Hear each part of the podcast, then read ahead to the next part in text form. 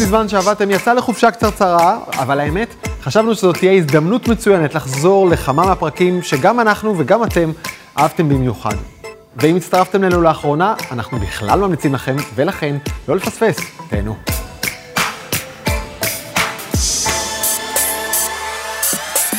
בזמן שעבדתם 55, דני פלד, שלום. שלום לא כמובן. הפעם יש לנו רק חדשות שיפוצצו לכם את המוח. נכון. אחת, הסינים, איך נקרא לזה? ירו. לעצמם בשתי הרגליים? בעל הבית השתגע. בעל הבית השתגע, וזה משפיע כמובן על כל העולם. מרק צוקרברג חולם על האינטרנט הבא. הוא הולך להמציא את האינטרנט, נכון? כאילו מה יהיה אחרי האינטרנט? מה יהיה אחרי האינטרנט? יש תשובות. אילון מאסק נכנס חזיתית באפל מסיבות מוזרות מאוד. מפוקפקות? לא יודע. אה, הסביר, אתם כן. תחליטו. ויש לנו אה, שאלה שלכם מהבית, רציתם לדעת מה זה SPAC, הטרנד של המיליארדים שכל העולם עוסק בו, אבל באמת נתחיל מסין שי, שי ג'ינפינג. הקיסר העליון. כן, הנערץ. המזכיר, המזכיר המפלגה. המזכיר המפלגה. זה הטייטל הרשמי שלו ובעצם הוא החליט עוד החלטה בשבוע שעבר שגורמת להרבה מאוד אנשים לבכות ולכל המסכים להפוך אה, לאדומים בכל העולם. בכל העולם מה קרה בעצם. הוא הטיל סנקציות תכף נסביר בדיוק מה על אה, מניות האדטק מניות האדטק זה מניות ה-educational tech כלומר מניות החינוך. יש הרבה מאוד חברות שעושות חינוך מרחוק חינוך מקוון רק נזכיר שזה מצטרף לשנה מאוד מוזרה שבה ג'ק מה מעליבאבא נעלם, שבה דידי, חברת המוניות הסינית, קיבלה סנקציות, כלומר העולם מסתכל על מה סין בעצמה עושה למגזר ההייטק המפואר שעזרה לבנות, היא פשוט מחריבה אותו. נכון. אז היא לא מחריבה, היא בעצם מטילה עליו סנקציות ומחזירה את כל המניות חזרה ל-2009, בעצם נמחקו להם אין יותר מילים, לא? מעשור של שגשוג. של בניתם מניות כל- אימפריה טק מטורפת, והיא פשוט, אתם מקריסים אותה. אז מה באמת אה, קרה? הממשלה הסינית הודיעה שהיא מתכננת עכשיו להפוך את כל חברות האדטק האלה שנסחרות בבורסה בניו יורק הגדולות שבהן לחברות non-profit, כלומר למלכ"ר. עמותות. רגע, צריך, לא דיברנו עליהן אף פעם כאן, בין שאר החברות הסיניות, כמו עליבאבא וכמו טנסנט, טיק טוק וכולי, יש גם חברות חינוך דיגיטלי נכון, מרחוק. המ- המפורסמת שבהם זה GSX אדיוטק, תכף נדבר עליה.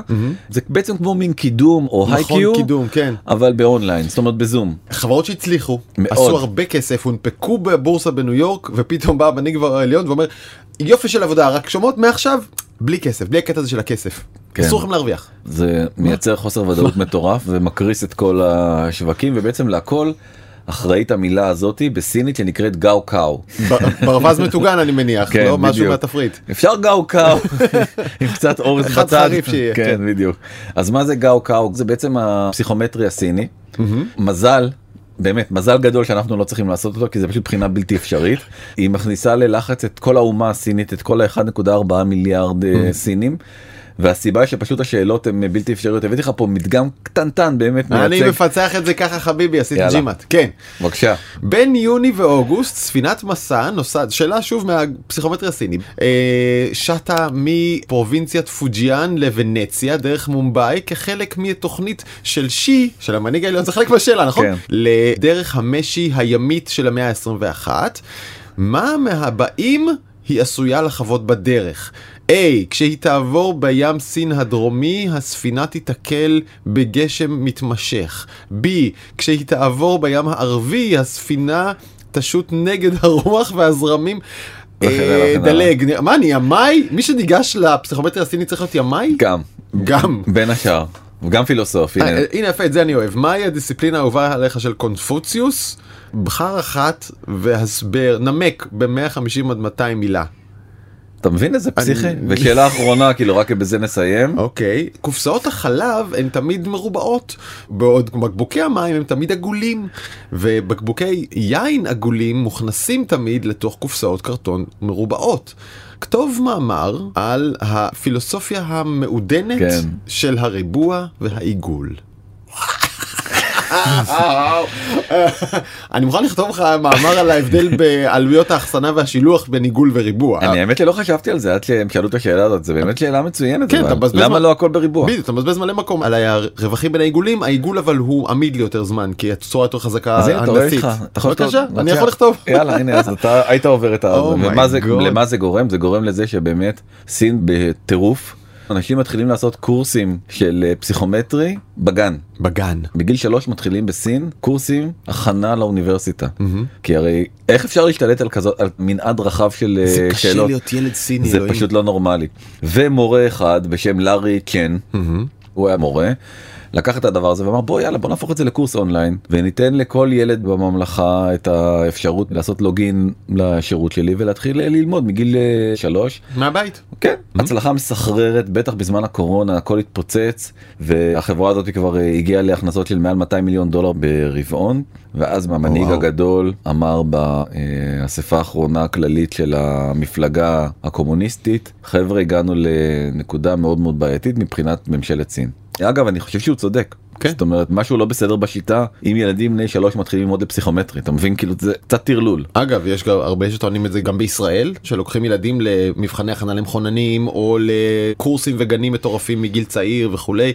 יש לא, בזה הבעיה- משהו יפה שהמנהיג הסיני יוצא להגנת המשפחות והילדים הצעירים. נכון הבעיה העיקרית בדבר הזה זה שבלי המבחן המאוד מאוד מאוד מאוד קשה הזה לא תקבל לימודים. אין לך סיכוי להגיע לאוניברסיטה ולכן בניגוד נגיד לכל מיני הורים ששולחים להם מחוננים ולכל מיני כאלה דברים מה שאנחנו מכירים בישראל זה לא הכרחי כדי להצליח בחיים ופה בסין זה נהיה משהו שהוא הכרחי כדי להצליח בחיים אחרת אתה לא יודע תחלק שקי אורז בשכונה לא, שלך. נזכיר, האומה הסינית נמצאת בהליכי מוביליות חברתית הכי מהירים ever, ומשפחות שלמות יוצאות מלאסוף אורז בכפר ללחיות בעיר, בשביל לעשות את הקפיצה הזאת, זה הדרך. אבל בעצם הדבר הזה מבזה מאוד את האומה הסינית ושבוע שעבר הוא פתאום הפיל פצצת אטום או פצצת מימן או לא יודע אני אפילו לא יודע איך לקרוא לדבר הזה. וניסח סט כללים חדשים לגבי איך צריך להתנהל בסין. חברות ומוסדות שמלמדים את תוכנית הלימודים של בתי הספר חייבים להפוך למוסדות ללא מטרת רווח. הם לא יכולים להנפיק, הם לא יכולים לגייס הון זר, חברות שכבר רשומות בבורסה לא יוכלו לגייס הון נוסף, חברות זרות לא יכולות לרכוש או להחזיק בחברות שמלמדות את תוכנית הלימודים הסינית. כל שיעורי הלימוד בזמן חופשה וחג אסורים.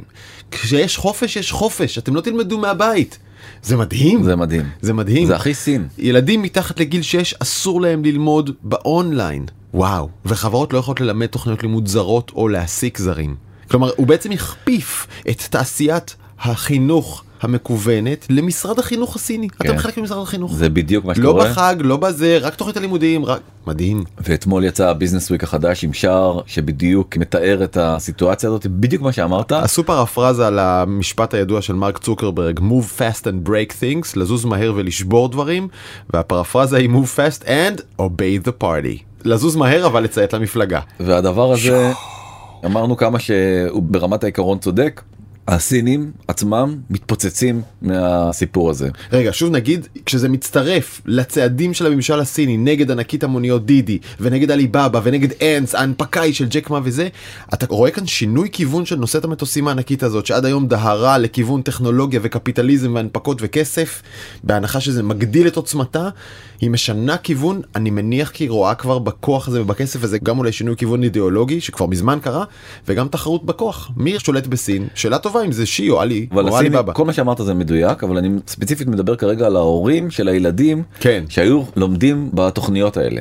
ואז הם אומרים רגע אז מה סגרתם לנו את הבתי ספר אחלה מה עכשיו יקרה עם הילדים שלי. עם הילדים שלי אין להם סיכוי. אז חזרנו לשדות אורז. כן, גם נכון. זה אני לא רוצה. בדיוק למה כי העשירים מבייג'ין ומשנגחאי ייקחו מורים פרטיים כן. כמו שהם עשו קודם. הם לא צריכים את זה. הילדים שלהם יוציאו ציונים יותר טובים והפער הזה בעצם שבאמצעות טכנולוגיה אפשר היה טיפה לסגור אותו אז אתה מבין אבל לא פעם הוא מנהיג המפלגה הקומוניסטית המפלגה הקומוניסטית הרי כל העיקרון הכי בסיסי שלה זה בעצם השוויון כן, אבל היא כבר מאוד קפיטליסטית זה, זה עשרות שנים, נכון? זה- ב-20 שנה האחרונות הם מאוד קפיטליסטים. זה מאוד מעניין נקודה מאוד מאוד חשובה שבכלל לא התייחסנו אליה כרגע הסק הודיע חבר'ה סינים יקרים אין יותר הנפקות סיניות בארצות הברית. גם הם לא רוצים. לא רוצים די מספיק אל תיסגרו על עצמכם מה אתם רוצים ומה אתם לא עושים אי אפשר הרי הדבר ששווקים הכי שונאים זה אי ודאות. זה אי ודאות זה משהו שאי אפשר להתמודד איתו. ובעצם המשקיעים במניות הסיניות בארצות הברית רואים שהממשל הזה מזגזג מבחינתם. נכון. עדיף להתרחק.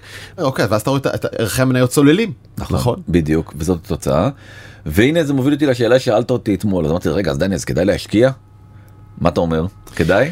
תשמע, עשיתי קודם השוואה של מכפיל הרווח של אה, עלי בבא מול אמזון. כן. אוקיי, מכפיל הרווח, אה, בגוגל בחפיף רק בשביל לקבל את הטעם. מכפיל הרווח של אמזון 60 ומשהו. מכפיל הרווח של עלי בבא 20 ומשהו.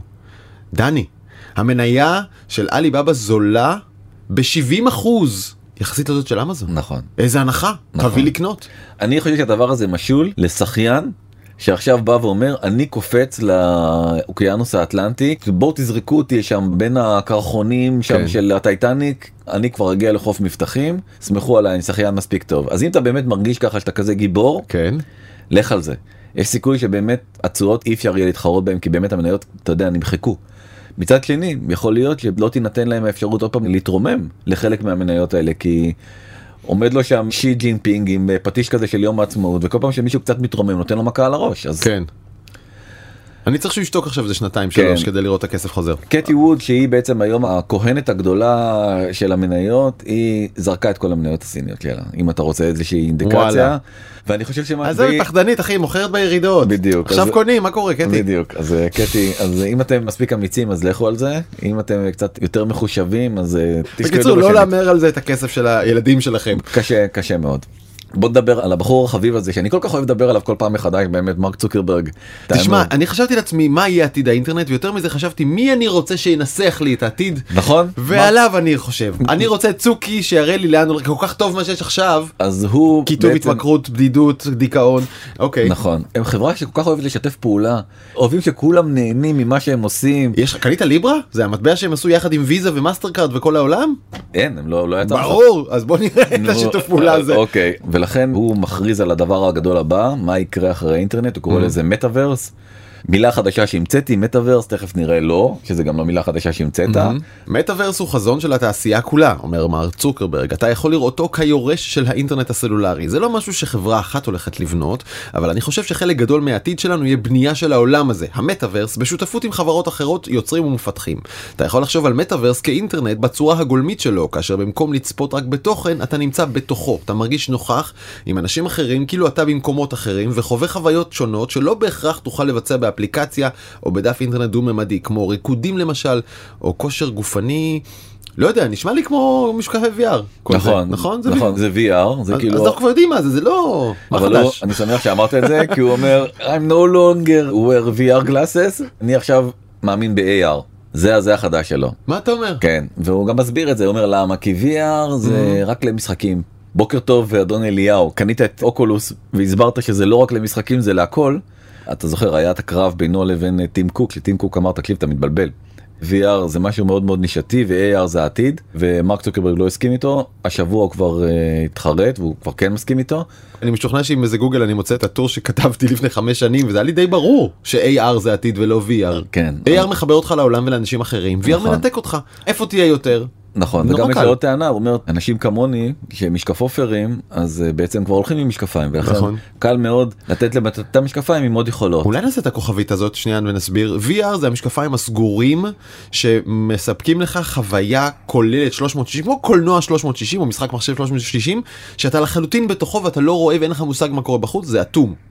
בעוד AR זה בעצם משקפיים שקופים שרק מוסיפים לך שכבות של מידע על העולם הקיים.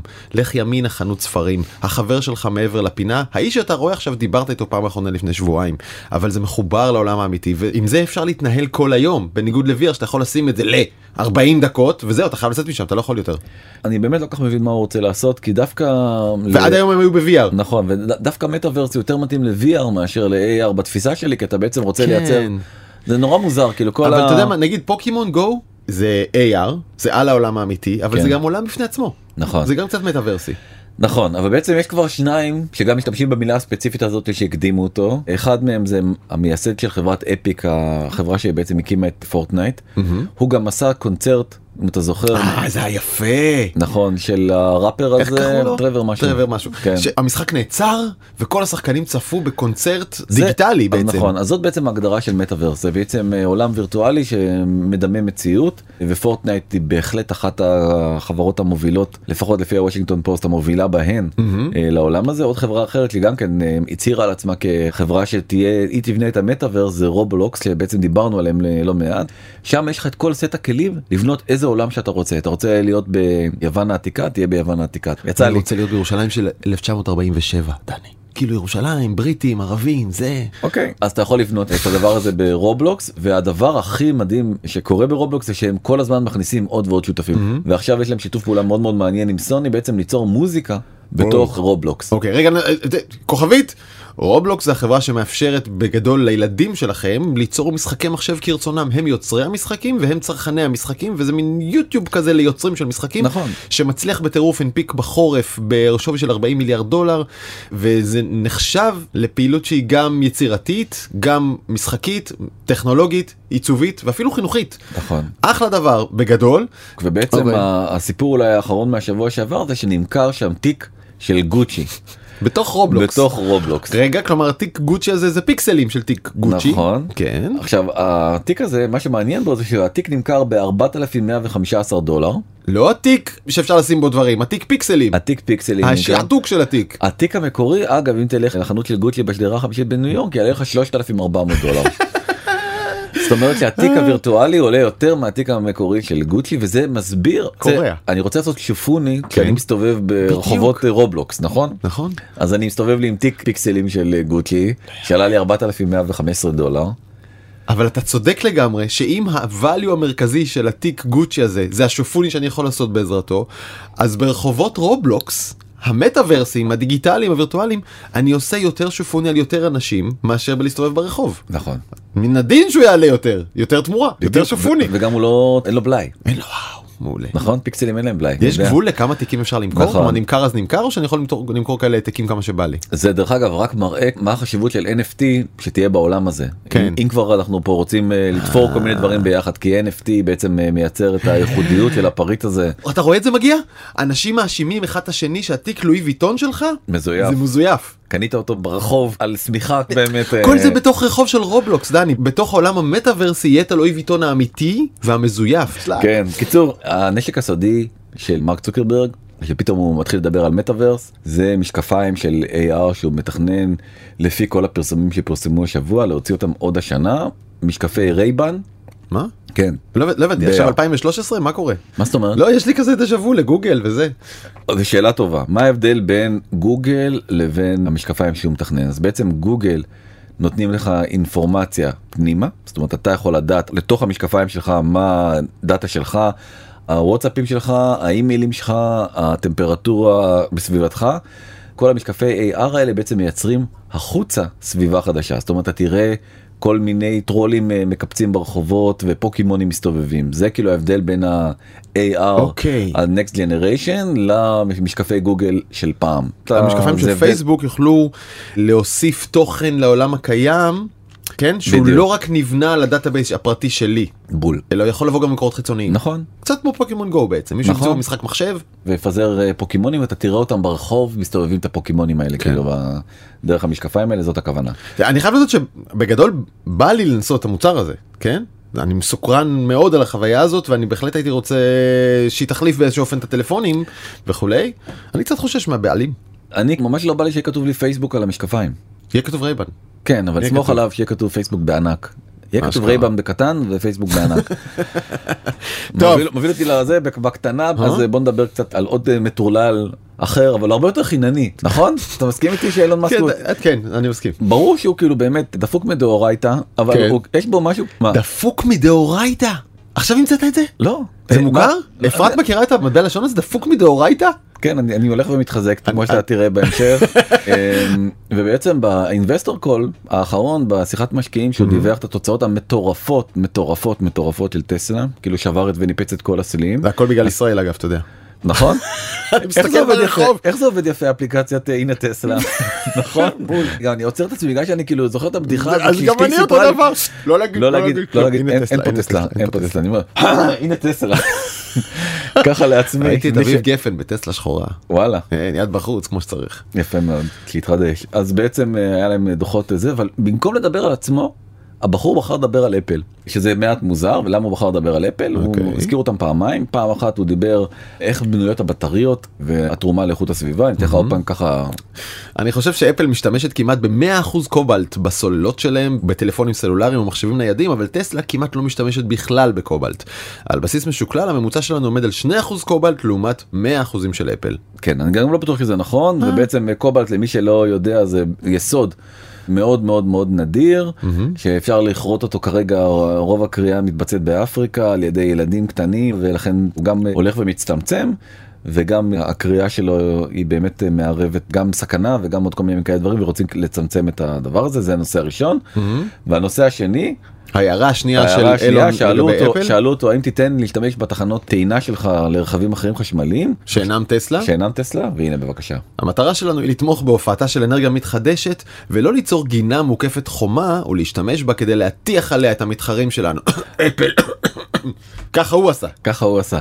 תגיד אתה לא מבין שכבר היית בהופעת אורח בסאטרדי נייט לייב זה הסתיים. אתה לא בן 15 בוא חבוב. אתה המנכ"ל של אחת החברות הכי גדולות בעולם היום חברת הרכב בוודאי הכי גדולה בעולם כאילו מה קורה לך. א', למה אתה נכנס באפל? ב', מה הקטע עם השיעול המזויף? אבל ג', רגע, יש נקודה בטענה הזאת, לא? כלומר, הוא אומר, אנחנו כשנקים תחנות טעינה חשמליות למכוניות חשמליות, לא נגביל אותן רק לטסלה, ניתן לכולם. בניגוד לאפל, שמקימה חומה סביב המוצרים שלה ורק... יש בזה נקודה. כן מה מה מה למה אתה לא יכול לדבר על עצמך מה צריך לדבר על אחרים כן. כל היום כאילו מה זה, זה זה, מאוד, מאוד זה מאוד לא מקובל בשיחות מאוד משקיעים, מאוד לא- מאוד לא מקובל. מאוד לא מקובל. אם כבר אתה זורק רמיזה מעודנת על המתחרים שלך ומסביר למה אתה עושה יותר טוב, אבל אתה לא נכנס במישהו שאפילו לא מתחרה שלך. נכון ושלשום עוד פעם out of nowhere הוא החליט לצייץ שהעמלות אה, שאפל גובה הם בעצם דה פקטו tax גלובלי על האינטרנט. מס על האינטרנט. כן. ואפיק צודקת במאבק שלה נגד אפל.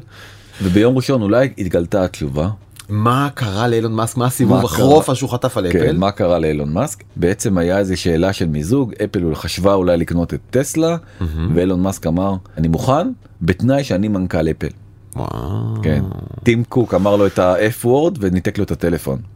וואו. כן כתב את זה עיתונאי של הוול סטריט ג'ורנל בספר חדש שהוא עכשיו אה, מפרסם. רגע זה די מדהים אפל חשבה לקנות את טסלה ואילון מאסק התנאי שלו לו להסכמה לרכישה תהיה שהוא עצמו יהפוך להיות מנכ"ל אפל טים קוק אמר לו קפוץ לי fuck you וניתק לו את הטלפון ומאז אילון מאסק נכנס באפל כלומר זה כמו שאתה מישהי לא רוצה לצאת איתך ואתה כזה את יודעת מה ואת גם מכוערת לא מי רוצה לצאת איתך בכלל.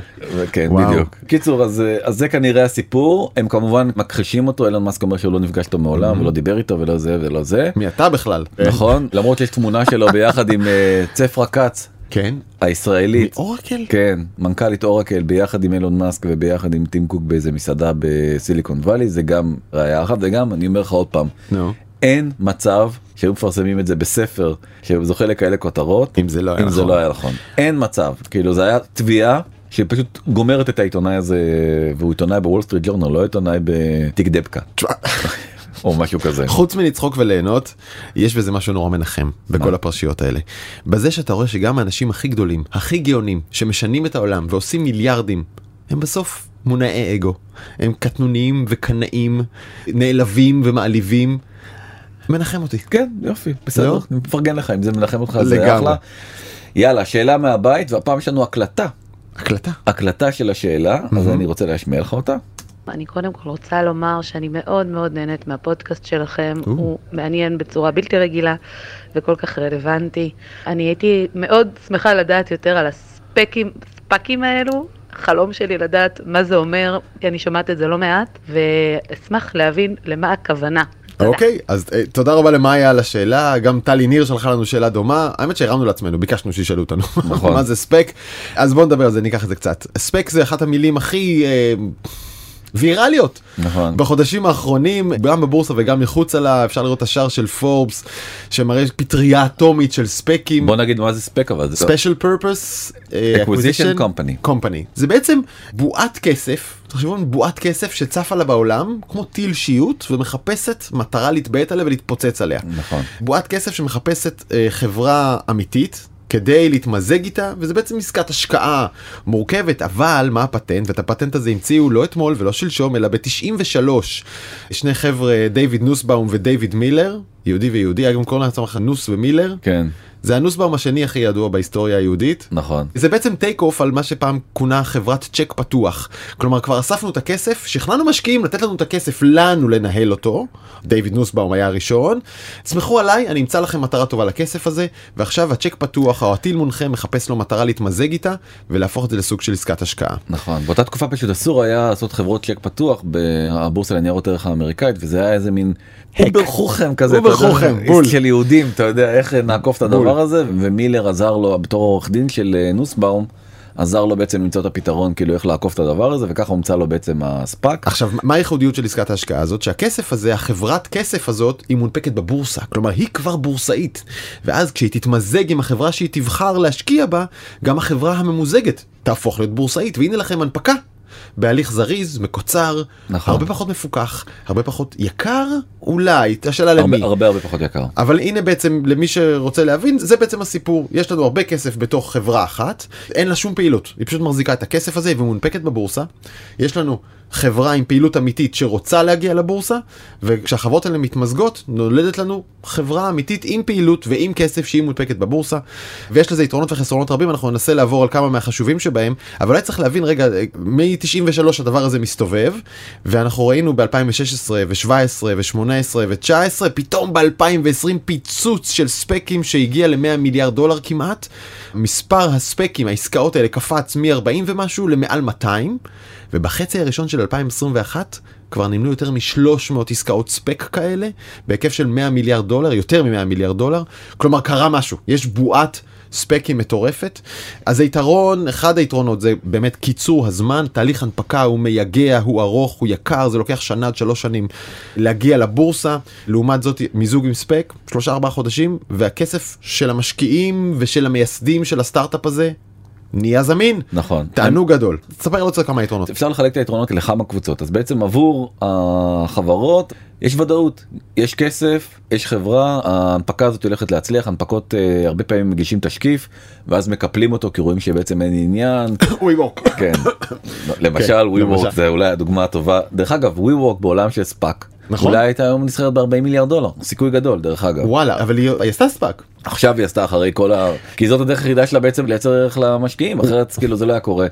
זה נורא נורא מהיר באמת אפשר לייצר שותפויות אסטרטגיות. עבור המשקיעים היתרונות הם אה, אדירים כי בעצם המשקיעים איזה? הפרטיים. שאני- אני ואתה נגיד שרוצים לקנות עכשיו מניה אנחנו יכולים להיכנס לתוך הקבוצת אה, ספאק הזאת עוד לפני שבעצם היא את המטרה שלה?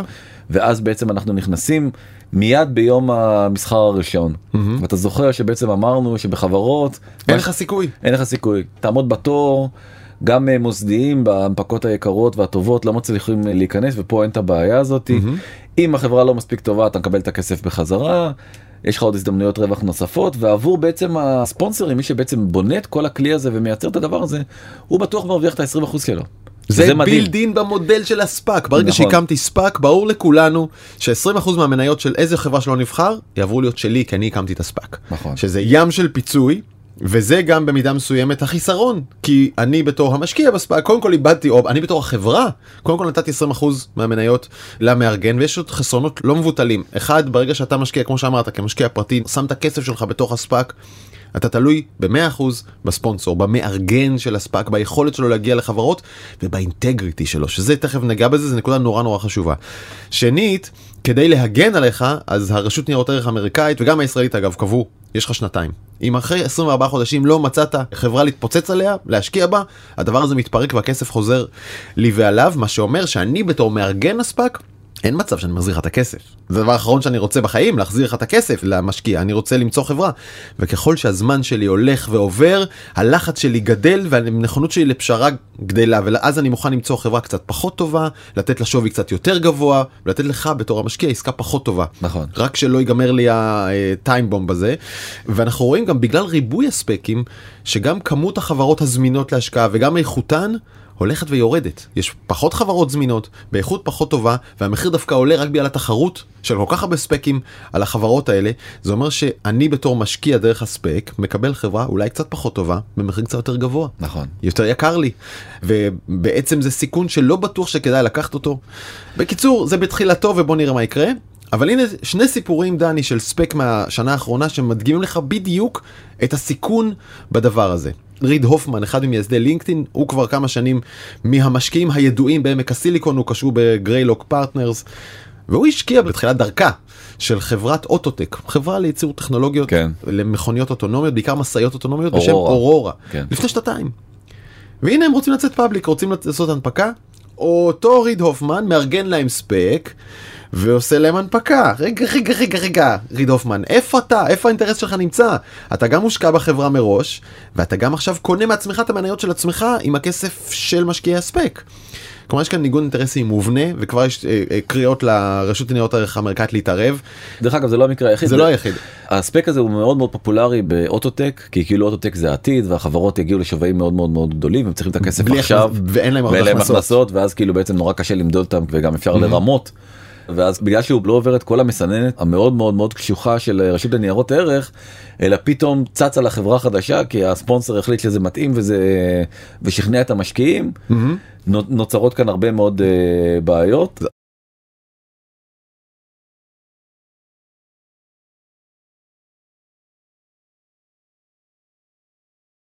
רגע, זאת אגב הנקודה החשובה, דני. זה שקיצרנו תהליך הנפקה שלוקח ברגיל שנה עד שלוש לשלושה ארבעה חודשים, רגע, מה נעלם מהדרך? מה זה הדבר שנעלם בתהליך הזה? בדיקת נאותות. בדיקת נאותות. ברור. והיא הרבה יותר, נקרא לזה מחופפת או זריזה. וזה דבר שמאוד מאוד צריך. כשאתה משקיע בחברה דרך הבורסה, אתה סומך על זה שהנתונים אמיתיים, החברה אמיתית, הפעילות אמיתית וכולי וכולי. הסיפור השני שמדגים כמה הדבר הזה יכול להיות מסובך, בדיוק את הסיפור הזה, זה הנפקה של חברה בשם ניקולה, שמתחרה בטסלה, ניקולה טסלה, כן. כן? שאחרי עסקת הספאק התברר שאין באמת טכנולוגיה, היא לא עובדת, המשאית הזאת לא באמת נוסעת, משאית. כן, מכונית. ההדגמה הייתה עם משאית, אוקיי. שהראו כאילו היא נוסעת אבל זה היה בירידה, כן. ואת זה לא צילמו. בוא נוריד את. האמברקס. כן זה מה שהם עשו בדיוק ככה הדגימו משאית נוסעת הורידו אמברקס כן. ואז התברר שהטכנולוגיה לא עובדת אה, וזה כבר אחרי הנפקת הספק והיום זה כבר התגלגל לכתב אישום נגד המייסד וכולי. בקיצור אלה הם הסיכונים אגב אתה יודע מי הכי נהנה מי תמיד הכי נהנה כשהשוק זז הספונסר. עוד יותר מי הכי נהנה הבנקים. ג'יי פי מורגן וסיטי בנק הם עושים את המיליונים את המיליארדים. הם קפצו בדוחות שלהם בחצי שנה האחרונה הרבה בגלל טירוף הנפקות הספאק גם הם בניגוד אינטרסים. הם גם החתמים וגם היועצים להשקעה וגם היועצים לפייפ של אחר כך. בקיצור יש כאן ניגוד אינטרסים מכאן עד הירח. יש לא מעט חברות ישראליות שהנפיקו בחודשים האחרונים חלקם בהנפקה רגילה IPO וחלקן דרך ספק ורואים באופן מאוד ברור. בדקתי אגב את המספרים גם אתמול. החברות שהלכו דרך ספאק הנפיקו גבוה ואז המניה מיד יורדת, כי אמרנו, הספאק יש לו אינטרס לתת מחיר גבוה לחברה. אז מיד אחרי ההנפקה המניה יורדת, ובמקרה של טאבולה ואיירון סורס צללה ב-20%. לעומת זאת, חברות שהלכו דרך IPO יצאו לשוק במחיר נמוך, ומיד המניה קפצה, ורואים את זה בסנטינל 1 ומאנדיי. קפיצה של 20% פלוס. אגב, בשתי השיטות יש עיוות, אנחנו מסכימים, נכון? לגמרי דרך אגב אני חושב ש... יש סיפור מאוד מאוד מעניין כי בעצם היו שתי חברות מתחרות אחת טאבולה ואחת אאוטבריין. כן. אחת הלכה לספאק ואחת הלכה לזה ההכנסות שלהם כמעט אותו דבר זאת אומרת לטאבולה היו טיפה יותר הכנסות במיליארד ולאוטבריין היו 700 או 800 אבל אאוטבריין צומחת יותר. ובגלל הספאק המאוד מאוד כושל. של טאבולה שבעצם כבר נחתכה בכמעט שליש אהה. אאוטבריין לא הצליחה לגייס בשווי שהיא רצתה והייתה צריכה ללכת לשווי שהוא חצי מהשווי המקורי אליו היא הרי וואו. חברות מאוד מאוד דומות כן כי זה מייצר איזשהו אפקט אתה אומר רגע אם החברה לא משנה היא, היא כל כך ירדה במחיר ההנפקה בגלל הספאק. כי כמו שאמרת כל החברות חוטפות מכה די משמעותית מיד אחרי ההנפקה. בחודש הראשון. וחודשיים אחר כך בעצם אאוטבריין אה, רצתה לצאת להנפקה וראו כאילו שהמניה של המתחרה הכי גדולה שלה מתרסקת. איזה סנטימנט זה נותן למשקיעים זה יכול להיות סנטימנט, תראה, להם לא הולך, אולי לנו עכשיו ילך. אז אה, לא, זה המתחרה שלך כן, שנדפק. אז הם היו צריכים לרדת מאוד מאוד מאוד במחיר ההנפקה והונפקו בעוד שטאבולה הונפקה בשניים וחצי מיליארד דולר סדר גודל בעצם אאוטבריד הונפקה ב-1 נקודה משהו מיליארד דולר 1.1 1.3 משהו כן, כזה. אבל בוא נגיד שאחרי ההנפקה הספק משנה את שמו לשם החברה הנרכשת ושם נכון. המניה והטיקר זה שם החברה הנרכשת לצורך העניין טאבולה היא מונפקת ומעכשיו היא תתמודד ברגע שיצאו דוחות היא כבר מתמודדת מול הדוחות שלה עצמה נכון, הספק נשאר מאחוריה נכון. עדיין זה יותר פרסטיג' ללכת ב-IPO רגיל. נכון זה, עניין- זה כאילו זה, קצת זה. פשוט זה אני חושב שזה גם משתנה זה עניין של זמן ו- ועוד פעם בסוף אתה יודע אה, זה קצת כמו בועות אה, של אינטרנט ובועות אחרות. בסוף יהיו ספאקים טובים ורק החברות הטובות יצליחו ללכת לתהליך הזה שספאק המשקיעים אף אחד לא רוצה להפסיד את הכסף שלו וכולם יבינו כאילו לאן זה הולך. בסוף זה טוב כי אפשר יהיה לדעתי לתת להרבה מאוד אה, חברות נוספות אפשרויות מימון שכרגע היו חסומות בפניהן. כן. וזה מניע את הגלגל הזה ובאמת אם אנחנו מדברים על מימון ועל ממון וכל מיני כאלה דברים זה היה נראה לי באמת אולי קצת פילוסופיה אבל בעצם הרבי נחמן מברסלב אמר שאדם וממונו אינם יכולים להישאר יחדיו לנצח או שהממון נלקח מהאדם או שהאדם נלקח מהממון. ריגשת. לא באמת יפה. באמת באמת. או שהממון אוקיי. נלקח מהאדם או שהאדם נלקח מהממון זה יפה. אה, נגיד תודה לאפרת מירון העורכת למיכל סולברג על ההפקה לדור צלח ורועי שפריר מנקסטר שהם מעלים את היופי הזה גם לתומר וולף וצ'יצ'ו פה על כל העניינים הטכניים. אה, אתם מוזמנים להאזין לנו בספוטיפיי ואפל פודקאסט ובכל מקום שאתם שומעים את הפודקאסטים שלכם או לצפות בנו בלילה בקשת 12 או בנקסטר ומאקרו וזה אמרנו ו-N12 לא נראה לי מספיק. לא? הכל. דני פלד תודה רבה. תודה רבה. ביי.